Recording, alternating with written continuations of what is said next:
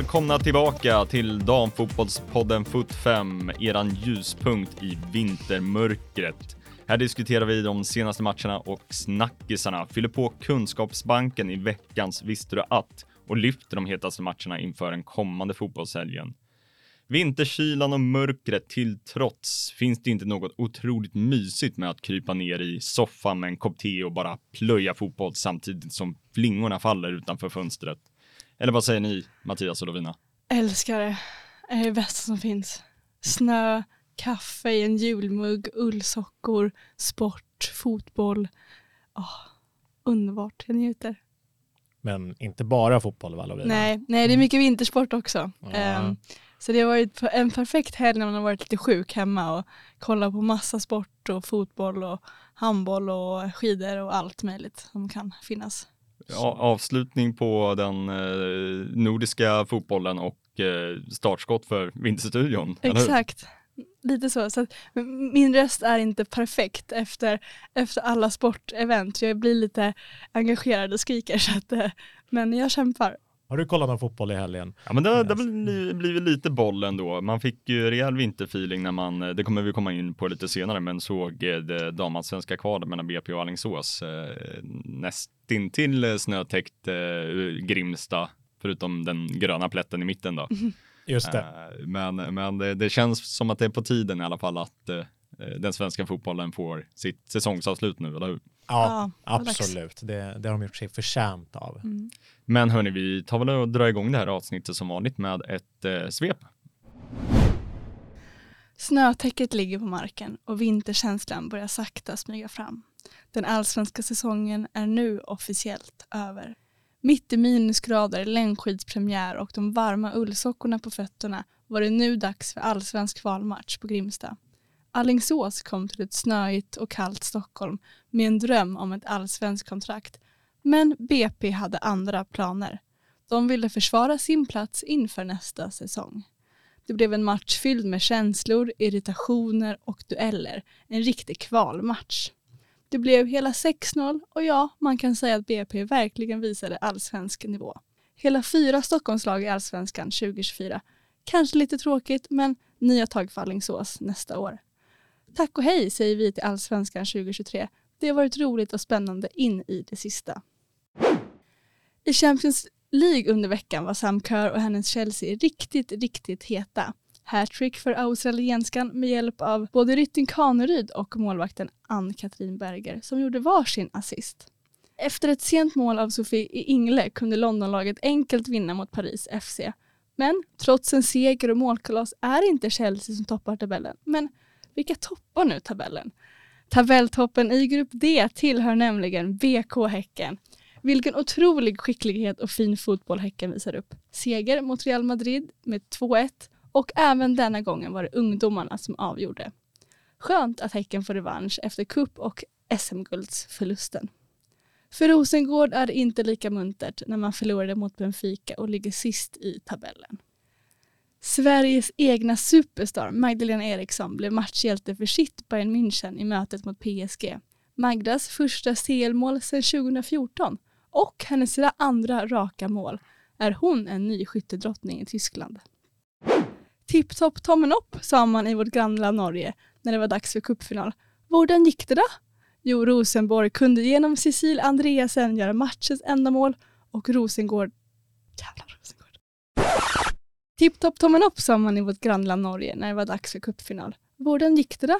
Jo, Rosenborg kunde genom Cecil Andreasen göra matchens enda mål och vann därmed norska kuppen. Gratulerar Rosenborg! Englands ligaspel är i full gång. Liverpool kunde krossa Brighton med hela 4-0. Ingen rolig dag för våra svenska tjejer Sigotti Olme och Kullberg i Brighton. Leicester försökte göra det omöjliga, vinna mot Chelsea och ja, det gick såklart inte. Vi fick däremot se två före detta allsvenska stjärnor göra mål. Hammarbybekantningen Courtney Nevin med ett självmål i den femte matchminuten. Aj, mitt hjärta. Men gladare blev det för Vittsjös före detta Jutta Rantala som försökte rädda sitt lag genom mål i den 26 minuten. Men Chelsea har både Lauren James och Sam Kerr i en enorm målform. Chelsea vann mötet med 5-2. Minuspoäng blir dock för Emma Hayes som låter Cecilia Mosevic sitta kvar på bänken. Tre glädjeämnen kunde vi däremot hitta i en annan del av London. Arsenal mötte West Ham och vann med 3-0. Kai Cross gjorde två assist och har verkligen blivit riktigt viktig för laget. Men det största glädjeämnet av dem alla är Beth Mead. Tvåmålsskytt och tillbaka efter korsbandsskadan på allvar. Nu blir Beth Mead något att verkligen räkna med. Osäkerhet är det dock kring Stina Blackstenius och Lina Hurtig som inte ens var en del av truppen. Hur är det egentligen med dem? Vi tar oss till Manchester för att hitta en riktig kross. Manchester City mötte Tottenham på söndagskvällen och det blev hela 7-0. Jamaikanen och skytteligadrottningen Bonnie Shaw gjorde hattrick på 37 minuter. 37 minuter. Även Laura Combs, Jill Ward och Lauren Hemp fick vara med i målprotokollet. Tottenham har nu 10 poäng upp till toppen.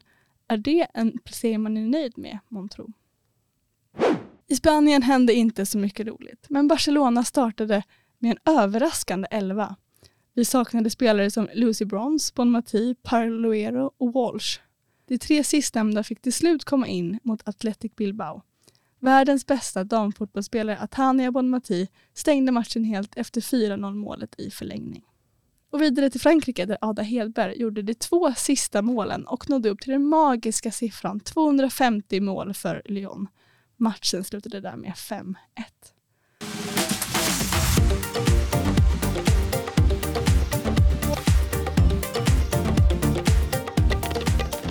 Matigt hörni, men eh, ska vi ta och börja lite i förra veckan och mm. eh, beröra eh, Champions League-spelet lite. Eh, häcken stod för en ny imponerande insats och slog eh, Real Madrid med 2-1 på hemmaplan. Var det någonting ni hade kunnat föreställa er inför?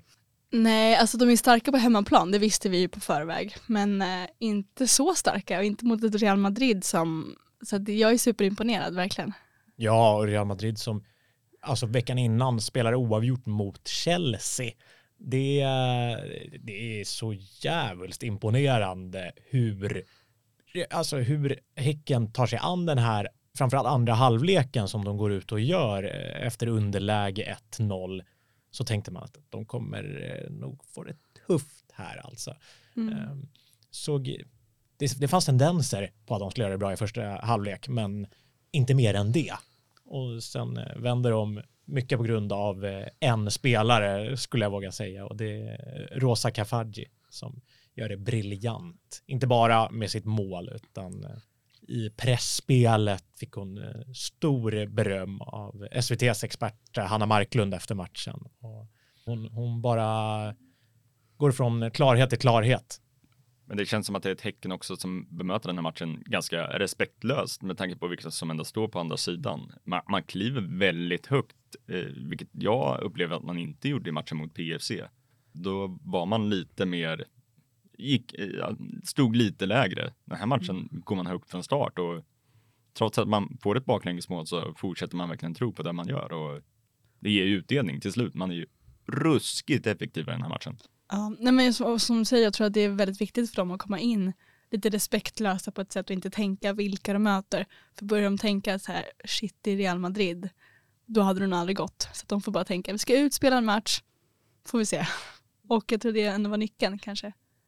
Ja, verkligen. Och det ska sägas att Real Madrid luftade laget, absolut, men med det sagt så var det inga dåliga spelare som ställdes på planen, utan det, det var sex eh, stycken spanska landslagsspelare bland annat. Så att, eh, och vet alla hur duktiga Spanien är. Väldigt imponerad blev Häcken och som du ser, respektlösheten är nog eh, nyckeln fortsattvis här. För eh, ja, med, de, med de här två segrarna i ryggen så det ska väl mycket till om de ska upp på ett Chelsea eh, nästa gruppspelsomgång, men konstigare saker har hänt. Ja, det är ju följdfrågan då. Eh, hur ska man eh, kunna ta sig an eh, Chelsea efter en sån här urladdning? Är det, är det möjligt att ens störa Chelsea? Men jag skulle säga att eh, respektlöshet och eh, sen handlar det om disciplin försvarsmässigt.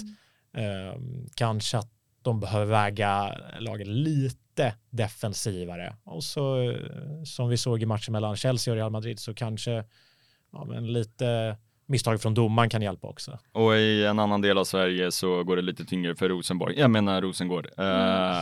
eh, som har eh, två raka eh, torsk, eh, Benfica och eh, Frankfurt eh, innan man nu ska ta sig an Barcelona.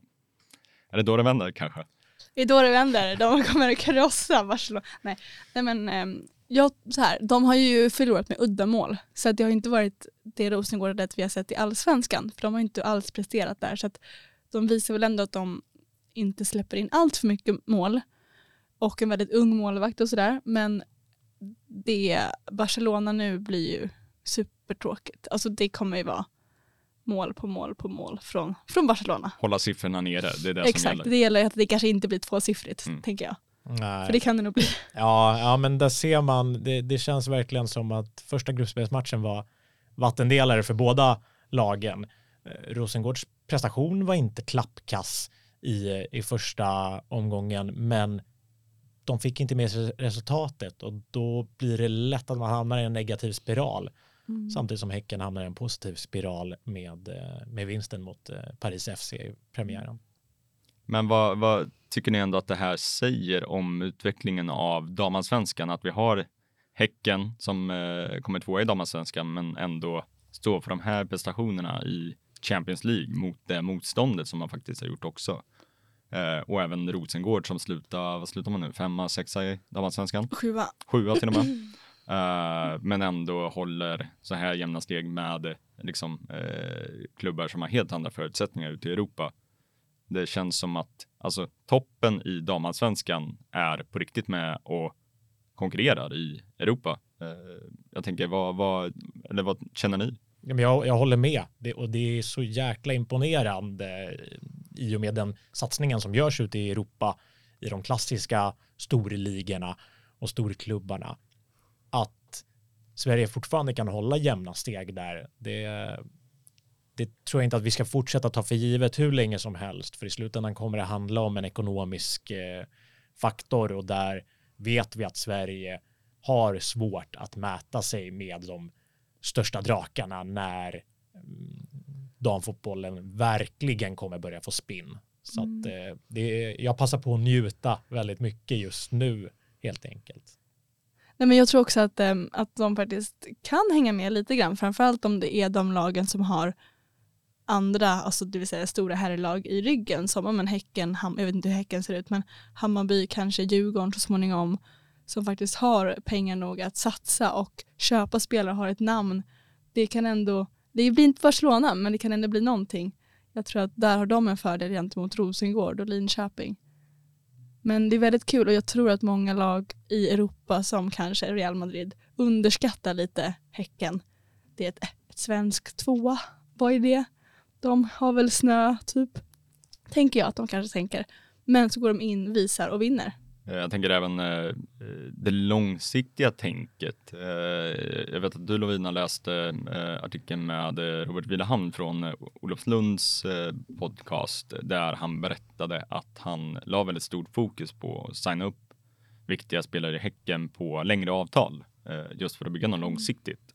Och det gör ju också att när de spelarna, vi säger Anna Sandberg, Rosa Cavaggi utvecklas och drar till sig intresse utifrån så sitter de ju på långa kontrakt och då har ju Häcken möjligheten också att kräva lite mer pengar för mm. att eh, överväga att släppa dem. Och det känns som att det kommer rassla till i Häckens plånbok nu med de där ungdomarna i Häcken som Anna Sandberg, Rosa Kafalji med mer är ju fantastiska och är för bra för den svenska fotbollen och jag tror på riktigt att de skulle kunna åka ut i europeiska storklubbar och få spela mycket.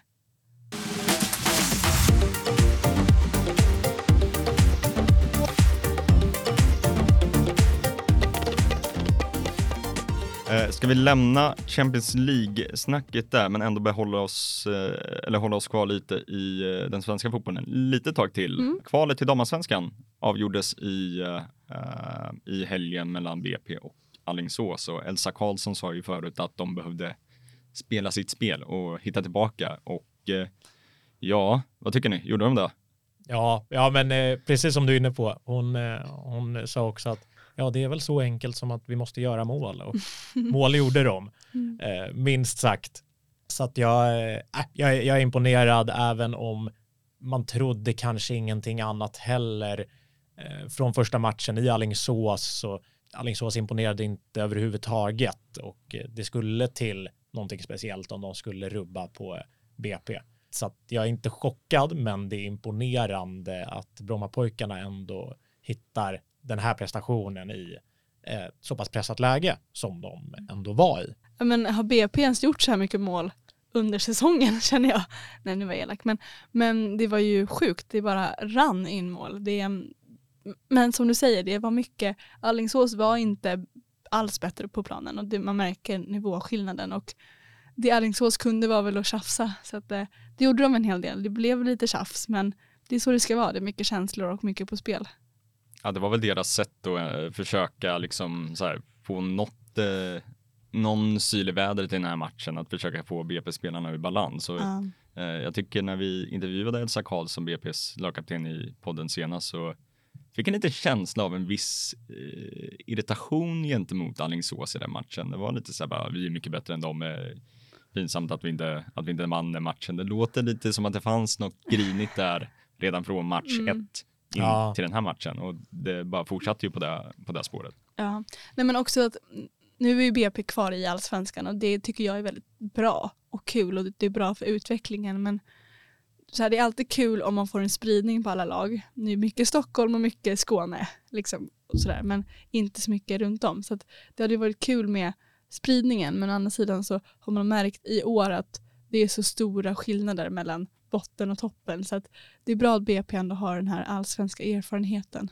Det tror jag är viktigt. Få fortsätta bygga på det helt enkelt så att, så att, de kan fortsätta bli bättre. Mm. Uh, nej, det, det, blev ju ett gäng mål i den här matchen, men uh, inte om ni såg alla mål, men uh, var det 6-0 målet som var cykelspark? Mm. Tror det. 5-0 eller 6-0 målet. Det var riktigt riktigt eh, snygg att se. Det, det, det, har varit ett par cykelsparkar i helgen, men eh, jag skulle säga att det här är den vassaste. Och eh, Sara Olais eh, frispark i eh, första halvlek ja, också, den, den, är, den är svår att göra så mycket på. Hög kvalitet. Ja. Verkligen. Den var väldigt, väldigt bra. Mycket fina mål gav BP oss faktiskt, tycker jag. Det enda som var lite irriterande, det var ju att Eh, tre stycken försvarare gjorde mål. Elsa Karlsson var inte en av dem. Elsa. Så att eh, ja, där, där, där blir det bättring eh, från hennes sida hoppas vi nästa gång. Förbättringspotential till Allsvenskan 2024. Om man ska hitta någonting.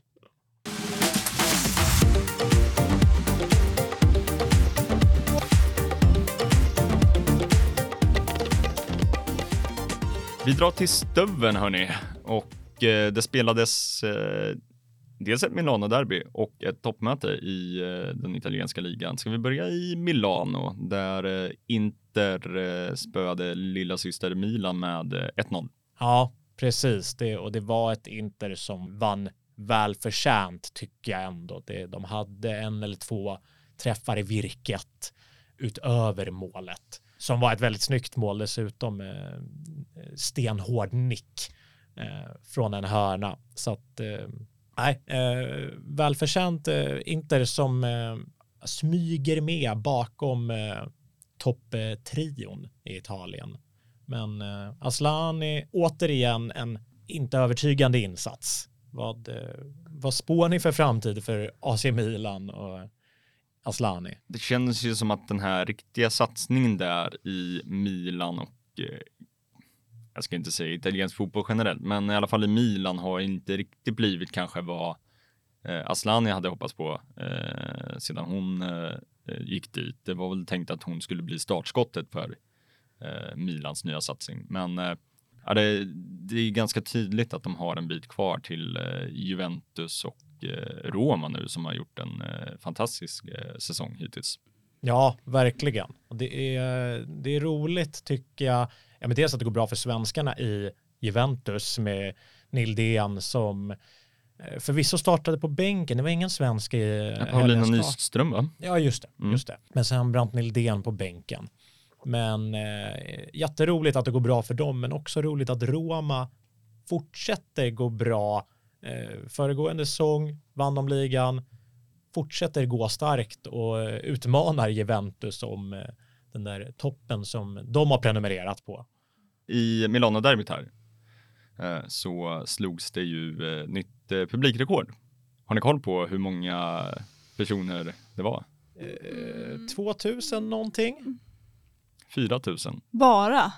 Är det publikrekord? Det, det, exakt. Är det Fy fan vad publikrekord? dåligt. Ja, det- Fy fan vad dåligt. det- Skandal. Ja, jag, jag håller med. Jag Alltså håller i, med. Itali- i, i Italien. I Alltså Italien. Milan har väl fan en miljon det, var, det, fans. var in, det var Inter som hade hemmaplan. Ja, men ändå. Eh, så det, var, det var liksom de som, eh, men, men 4 000, att det, det är alltså publikrekord i Italien.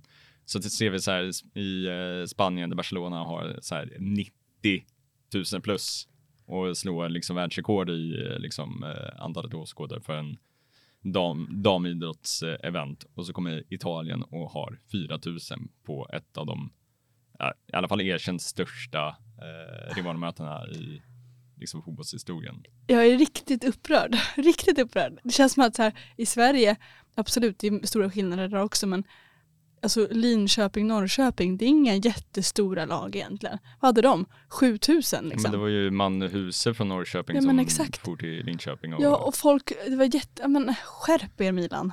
Och inte, alltså Italien på riktigt. Men, men de som var där ska få cred. ja, de som Absolut. var där ska få cred. Absolut, absolut. Väldigt, väldigt snyggt. Men, men det är tydligt att det finns utvecklingsområden i den italienska satsningen fortfarande. Eh, Även om svenskorna håller eh, fanan högt på planen. Ja, ja men verkligen.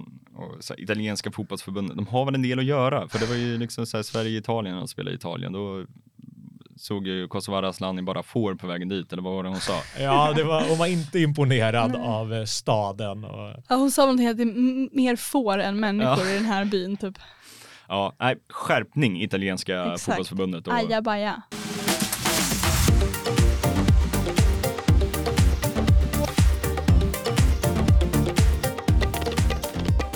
Ja hörni, landslagsuppehåll, hur känner ni inför det? Jag känner spontant att det är lite roligare med landslagsuppehåll på damsidan än på herrsidan. Då är det alltid suck och stön, men här nu, det är, är det för att vi har eh, världsettan som eh, favoritland i, i eh, fotbollen. Det är sån klasskillnad så att det går liksom inte ens att ha i samma rum tycker jag. Alltså herregud. Det, det ska bli kul, det ska bli spännande. Herrarnas har jag inte haft någon koll på för att det har gått så dåligt men det här ska bli spännande på riktigt. Jag har suttit och varit nervös och nu börjar det komma igen känner jag. men men eh, inte för Sverige, för där, där känns det kört, tänker jag. OS ser ju otroligt eh, långt, eller känns otroligt långt bort inför de avslutande två matcherna i Nations League som också är kvalet till OS. Exakt. Och vad är det? Det är eh, de fyra ettorna från eh, eh, A-divisionen som eh, gör upp om två stycken platser. Va? Exakt. Och Sverige i skrivande stund, in- innan vi har spelat nu de två sista matcherna mot Schweiz och Spanien så ligger vi eh, ni, sex poäng från Fem- första fem plats. poäng. Fem, Fem poäng, poäng. från första plats. Så att ingenting är omöjligt Ingenting men är omöjligt, det är absolut ändå halvt omöjligt. Men det, ja, Spanien ska förlora mot Italien och sen har vi då, gör de det så har vi allt i egna händer inför den sista matchen när vi möter Spanien på bortaplan. Men det känns som att mycket ska eh, studsa Sveriges väg i det här. Ja, ja, vi var inne på det tidigare i avsnittet om eh, den italienska fotbollssatsningen som eh, inte riktigt har bärt frukt än. Så att, eh, men vi får hoppas att de eh, sluter samman och gör jobbet mot Spanien i kommande, kommande match. Ja, för de lyckades ju störa Sverige på, var det Gamla Ullevi den spelades på nu? Ja, det var det. Ja, Det var det. I eh, den senaste matchen då det Exakt. bara slutade 1-1. Eh, Sverige fick inte alls igång det här spelet som man är van att se. Hur oroande är den insatsen inför det här eh, avslutandet av gruppspelet nu? Jag tycker inte att det är så farligt. Man får tänka att det är Spanien vi möter och de är regerande världsmästare och om man, om man bara tänker, kolla liksom lagen vi har nämnt nu i, i liksom svep och vad som hänt i helgen så handlar ju väldigt mycket om Spanien och alla i, som spelar i Spanien är ju toppspelare. Så att eh, jag tycker inte vi ska vara så oroliga för att vi åker hu- ut men med flaggan i topp mot Spanien då troligtvis. Ja, det, det återstår att se. Men, det- men det finns, eh, det kommer vara spännande. Vi kommer, eh, som sagt, eh, resultatet mot Italien senast tror jag inte att vi behövde dra några stora växlar utav, utan det var snarare ett undantag än regel. Men, eh, och Schweiz eh, råsist i våran grupp, så att där ska det bara bli tre poäng och förhoppningsvis en eh, bra målskillnad. Sverige har ju saknat några spelare eh, i, eller gjorde i alla fall i den senaste samlingen. Ilestedt och Hurtig var ju borta med skador. Ilestedt är tillbaka nu 100%. Hurtig är uttagen, men har ju inte uh, spelat så mycket i Arsenal och uh, även som du nämnde i svepet Stina Blackstenius, eller gjorde du det? Ja. ja. Stina Blackstenius är ju också ett frågetecken inför den här samlingen. Sveriges kanske två främsta anfallsvapen nu när även Fridolina Rolfö är borta på långtidsskadelistan. Eh, och Rebecka Blomqvist. Och Rebecka Blomqvist som var eh, Mrs 100% i VM kändes som, gjorde mål på allt. Mm. Men vi har yngre förmågor som kommer där bakifrån. Eh, vad, vad, känner ni? Är det, är det nu det är läge att försöka göra en liten generationsväxling i landslaget? Ja, men jag tycker ändå, vi pratar ju om att OS-kvalet ändå känns ganska kört på ett sätt och då kanske faktiskt är dags att få den här generationsbytet ganska smidigt och bra men mot bra motstånd. Um, så att jag är bara positiv till att man tar in ungdomarna för att uh, jag tror det är viktigt för, för, för framtiden. Men uh, det är klart att man, det oroar ju när alla våra toppmålgörare är skadade eller borta. Så att det är klart att det finns någonting men jag tror också att det är bra för framtiden. Ja, jag tror att det kan bli ändå en bra mix. Jag menar, eh, Kosse kommer spela, eh, Sofia Jakobsson finns ju alltid där. Eh, men att inte Kafaji och Winberg skulle få speltiden här i samlingen, det ses som eh, någonting eh, eh, otroligt märkligt om det inte skulle ske. Så att, och jag, jag, jag, tycker att Rosa Kafaji borde starta båda matcherna. Den mm. fina formen som hon är inne i och hon har egentligen ingenting mer att bevisa så sett. Det är ju det att hon måste spelas in i ett svenskt landslag helt mm. enkelt. Eh, och eh, Lovina, du var inne på det att det här är väl så bra tillfälle som något att göra det. För det kommer inte vara särskilt mycket oviktiga matcher i landslagssammanhang och då är det väl ja, Eh, två matcher där, där oddsen är emot oss, då är det väl lika bra att försöka utnyttja dem till att uh, spela in uh, svensk fotbolls uh, framtid i Kafaji och Winberg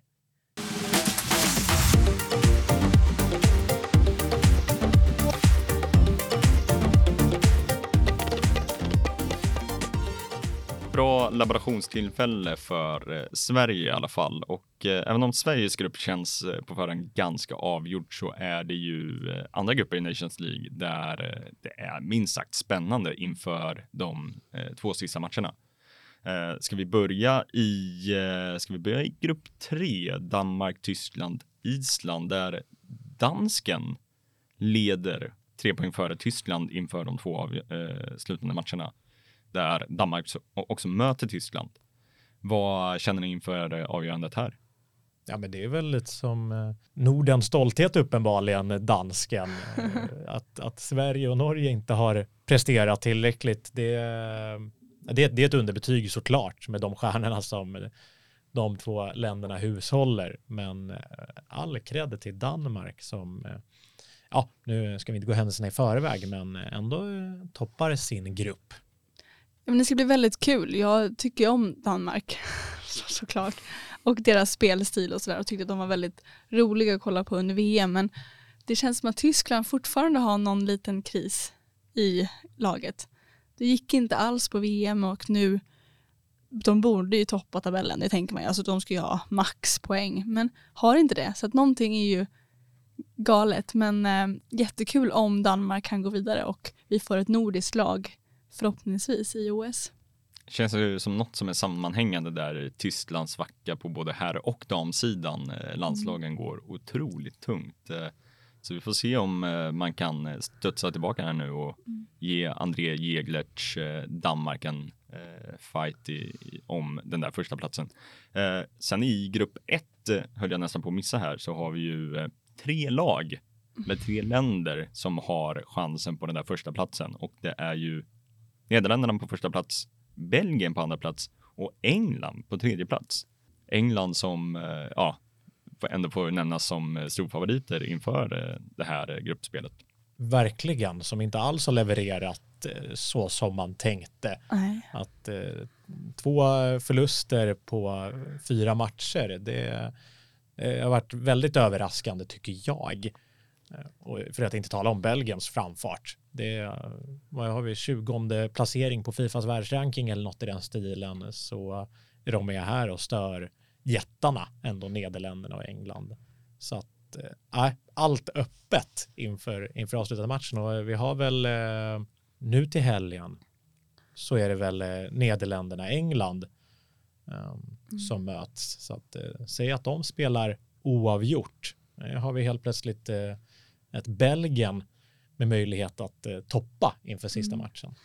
Jag tror också att det kommer bli kris i England om man inte går vidare, för man ska gå vidare. Gör man inte det så kan både förbundskaptener och tränare och allt möjligt ryka tror jag.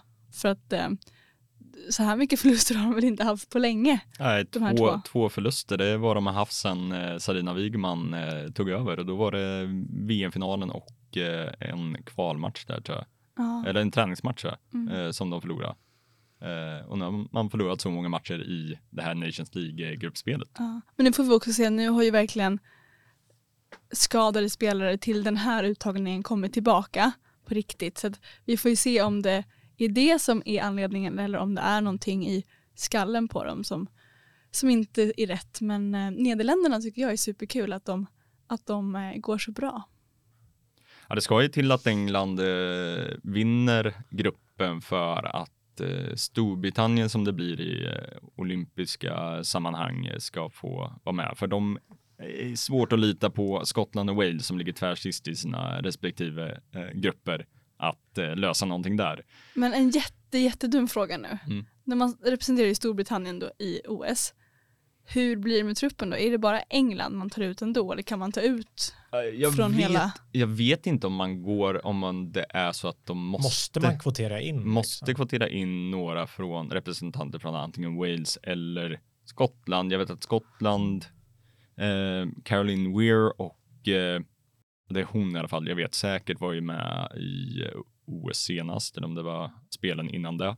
Skotska då i eh, det brittiska laget, men eh, för liksom Skottland och Wales, där finns det väl inte jättemycket spelare att Nej. hämta sådär. Man får ha någon tredje målvakt där bara för att ha, ha landen ja, med. Men det är ändå en kul eh, sak att se om, om, man, om man måste kvotera in eller mm. hur det blir när man representerar mer flera länder. Liksom.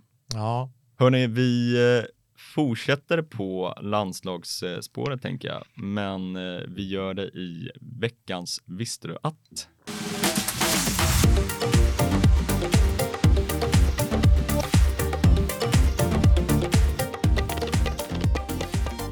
Har ni gnuggat eh, igång geniknölarna här nu? För nu, eh, nu eh, blir det lite så att ni ställs mot väggen här nu. Ja, ja men jag är taggad upp till tänderna. Det här veckans Visste har nästan blivit ett segment nu där vi eh, testar kunskapen lite hos, eh, hos varandra. Precis. Lite kopplat på tävlingsnerven här nu. Jo tack, den ja, finns. Den finns. Ja. Hur, är, hur är du i tävlingssammanhang? Jag är fruktansvärt eh, dålig om jag går in för det. Okay. Mm. Men hur är det med vinnarskallen om man ställer den frågan? Den existerar, mm. det är absolut. Men, men eh, jag är nog en sämre förlorare än vad jag är en dålig vinnare. Kan man säga så? Ja. Mm. Ja. Det, låter, det låter bra. Jag är, jag är tvärtom, jag är en riktigt dålig vinnare. Alltså riktigt dålig vinnare. Och en bra förlorare? Jag kan oftast ta det för att det är, ja, man liksom, jag kunde det ändå inte. Mm. Typ så. Okay. Men vinner jag så kan jag vara riktigt så vad var det jag sa, jag hade rätt. Vi får, se, vi får se hur eh, Lovina är om några minuter då oh, i så fall. Usch. Eh, är ni redo för den första, första frågan? Mm. Yes sir. 2021 blev eh, Caroline Seger ny rekordinnehavare av flest landskamper för Sverige, både dam och eh, herr räknat. Och eh, idag står de på 233 landskamper. Men vem ligger tvåa på den listan? Therese Sjögran. Det, Mattias hade inte en suck där. Jag vet inte, hade du svarat samma sak? Uh, inte så snabbt Det hade nog eh, resonerat mellan henne och Lotta eh, Kjellin ska jag Mm. vara ärlig med. Eh, Lovina tar eh, första pinnen eh, sådär snabbt. Och vad har vi på henne då? 211? Oj, eh, 214 har vi på uh, Träskhagen. Men det är ändå sjukt, 200 matcher. Det är Mm. alltså, Lite stilpoäng för nära. ja ver- verkligen, det tycker jag. En halv poäng där. Ja, Mm. Vi fortsätter då på mål och eh, vem är det som har gjort flest mål genom tiderna i det svenska landslaget? Lotta Kjellin. Det är Lotta Schelin. Yes! Hur många mål eh, står hon på? Jag tror att hon är uppe på 83. Ja, det är otroligt nära. 88 pizzor. Oh, Ah. Och Mattias. troligtvis så stannar hon väl där då, om hon inte gör någon oväntad comeback. Ja, vem vet, fan, eh, spelar Caroline Seger så länge som hon gör, då ser det inte omöjligt att eh, Lotta Schelin gör en återkomst. Nu eh, går vi utanför de svenska, eller kan ju vara eh, inom Sverige också, men eh, frågan är, vem har gjort flest landslagsmål någonsin i damfotbollsvärlden? Alltså av alla landslag i hela damfotbollsvärlden. Det här var ingen lätt fråga du.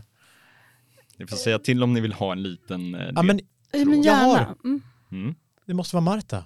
Det är inte Marta. Ja, men då vill jag ha en ledtråd. Mm. Vad ledtråd? Du får dra en gissning. Nej, men ehm, det, Det är inte... ingen spelare i eh, ett europeiskt landslag. Okej, då är det ju... eh, nu, nu måste jag få tänka här.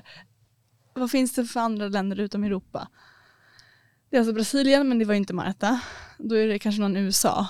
Och då säger jag Megan Rapinoe. Jag har ingen aning. Det närmar sig. Vill ni, vill ni ha varsin Eh, giss? Sinclair? Nej, hon är för fan... Det är Christine Sinclair. Är det sant? 190 mål på... Tre, 190 mål. 190 mål, men hon har också spelat 327 eh, landskamper. Ja. ja då, Ja. 327 landskamper. Ja. Shit. Men alltså 190, 190 pizzor. alltså. Men då, då ska vi också tillägga att eh, USA och eh, Kanada som har varit ganska ledande inom damfotbollen Mm. under en längre tid har ju spelat mot eh, länder som eh, eh, Barbados och Trinidad and Tobago. Eh, Ja. All respekt för de landslagen, men Målen ska göras där också. målen ska göras där också och de har nog eh, gjort ett par hattrick eller två eh, mot just de sådana landslag. Ja. Mm, nej, imponerande. Men nu hörni, nu är det dags för eh, den avslutande, ja, lite fråga kan vi säga. Eh, jag tänkte att vi kör pingpong, en pingpongduell. Nej. Eh, och då fungerar det så att ni får eh, svara, ni får en fråga och det finns sex svar. Och då vill jag att ni svarar varannan gång. Och Okej. kan man inte eller svara fel så har man åkt ut eller förlorat. Ja, Ni är med på förutsättningarna? jajamän. Vem börjar?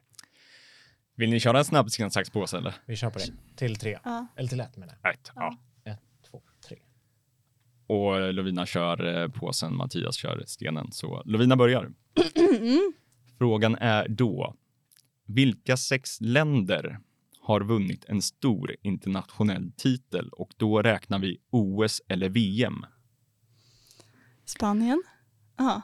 Ja, Ja, ja Spanien. du, du, du, du är helt på gröten. Mm, Spanien är Spanien. ett lag. USA, USA, Kanada?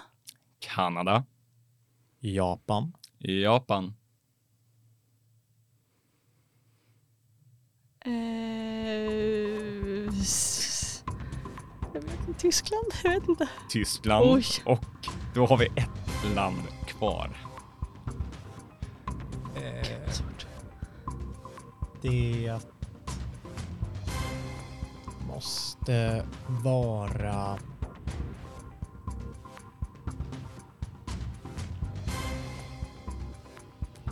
Har vi en gissning här? eller? Brasilien. Det är Norge. Va?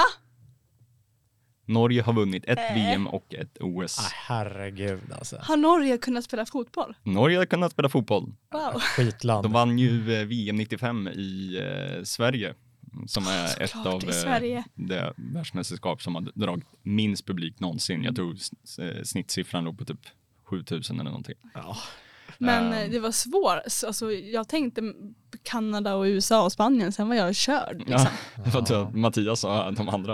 Ja, Ja. vad fan alltså. Ja. Det var var snyggt svårt. jobbat. Ja. Eh, Mm. Riktigt. Ja, men bra. riktigt bra jobbat och eh, Kul frågor, verkligen. Ja, ja, det var det. Ja, Ja. Det var en lite kortare just för att det inte ska bli för långrandigt. Ja, men det var lagom. Ja. Mm. Eh, vinnarskallen eh, Lovina verkar ändå ganska ödmjuk nu så här efteråt. Ja. Verkligen. Men sen när räckknappen är av då. Nej men ehm, det, det känns skönt. Jag fick lite revansch från, från förra veckan kände jag med, med, ehm, med alla skyttedrottningar. Så att nu har jag ändå men det, Sverige var ändå någonting. Jag tackar Instagram och TikTok för all, all ehm, uppdatering och information. Ja. ja, jag får bättra mig där på TikTok helt enkelt. Ja. Tackar Mästarnas Mästare också kanske. Ja, ja, Ska ja absolut, absolut. Det kommer fler chanser för Ja, eh, bra. Mattias. Bra.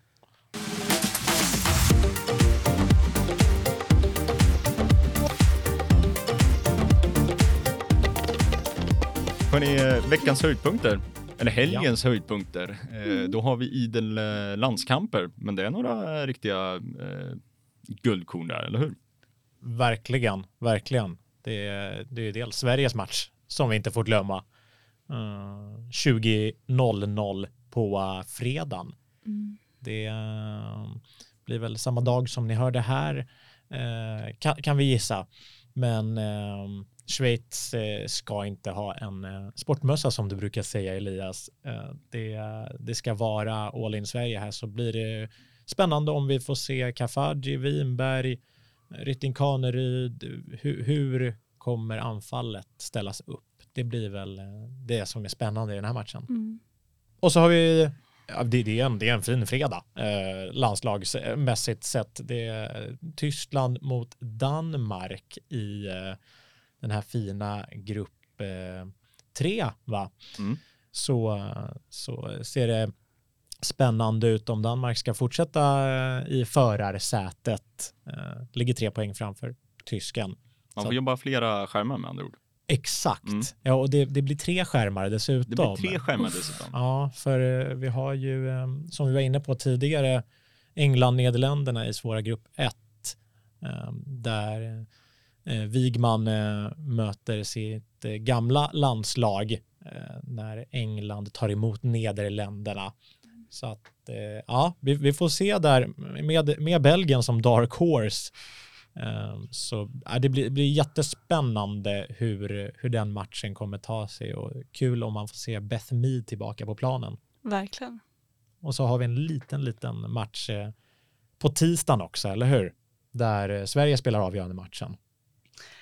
Spanien-Sverige helt enkelt. Dags att ta Mm. revansch på de där Jäklar. jävla spanjackerna Mm. alltså. Ja, sluta med liksom fanan i topp. Ja. Vare sig vi går vidare eller inte så vill man ju tvåla dit dem efter VM-debaclet. Och även eh, första mötet i Nations League där de eh, vinner på en straff som är, mm, ja, ah, Ja. kanske, jag vet inte. Man är ju, man är ju partisk. Man är ju partisk, och, eh, men det har ändå varit två sura 2-1 förluster mot Spanien de senaste matcherna. Man vill också visa Spanien vilka som är rankade etta i världen. Det känns som att Spanien har lite hybris. Ja, Ta ner dem på jorden att, lite. eh, exakt, visa vilka som hör hemma på topplistan av Fifas ranking. Precis. Mm. Det var allt vi hade att bjuda på för den här eh, veckan, men eh, vi är som vanligt tillbaka igen nästa vecka och då ska vi dessutom spela in ett gästavsnitt med Kristianstads nya huvudtränare Daniel Angegård. Så har ni lyssnare några frågor till honom så är det bara att slida in i våran DM och eh, eh, på Instagram eh, så tar vi upp dem i eh, avsnittet. det låter jättebra. Och Mm. om ni inte redan gör det, gå in och följ oss på Instagram där vi heter foot5podcast eller på TikTok för den yngre generationen. Eh, foot.5.podcast. Eh, och glöm inte heller att eh, följa oss på Spotify så missar du inte när vi släpper våra nya avsnitt. Det var alles hörni. Eh, Ja, det var väl det. Trevlig fotbollshelg eh, så hörs vi igen eh, nästa vecka. Det gör vi. Strålande. Adjö! Adjö! Eh, bye.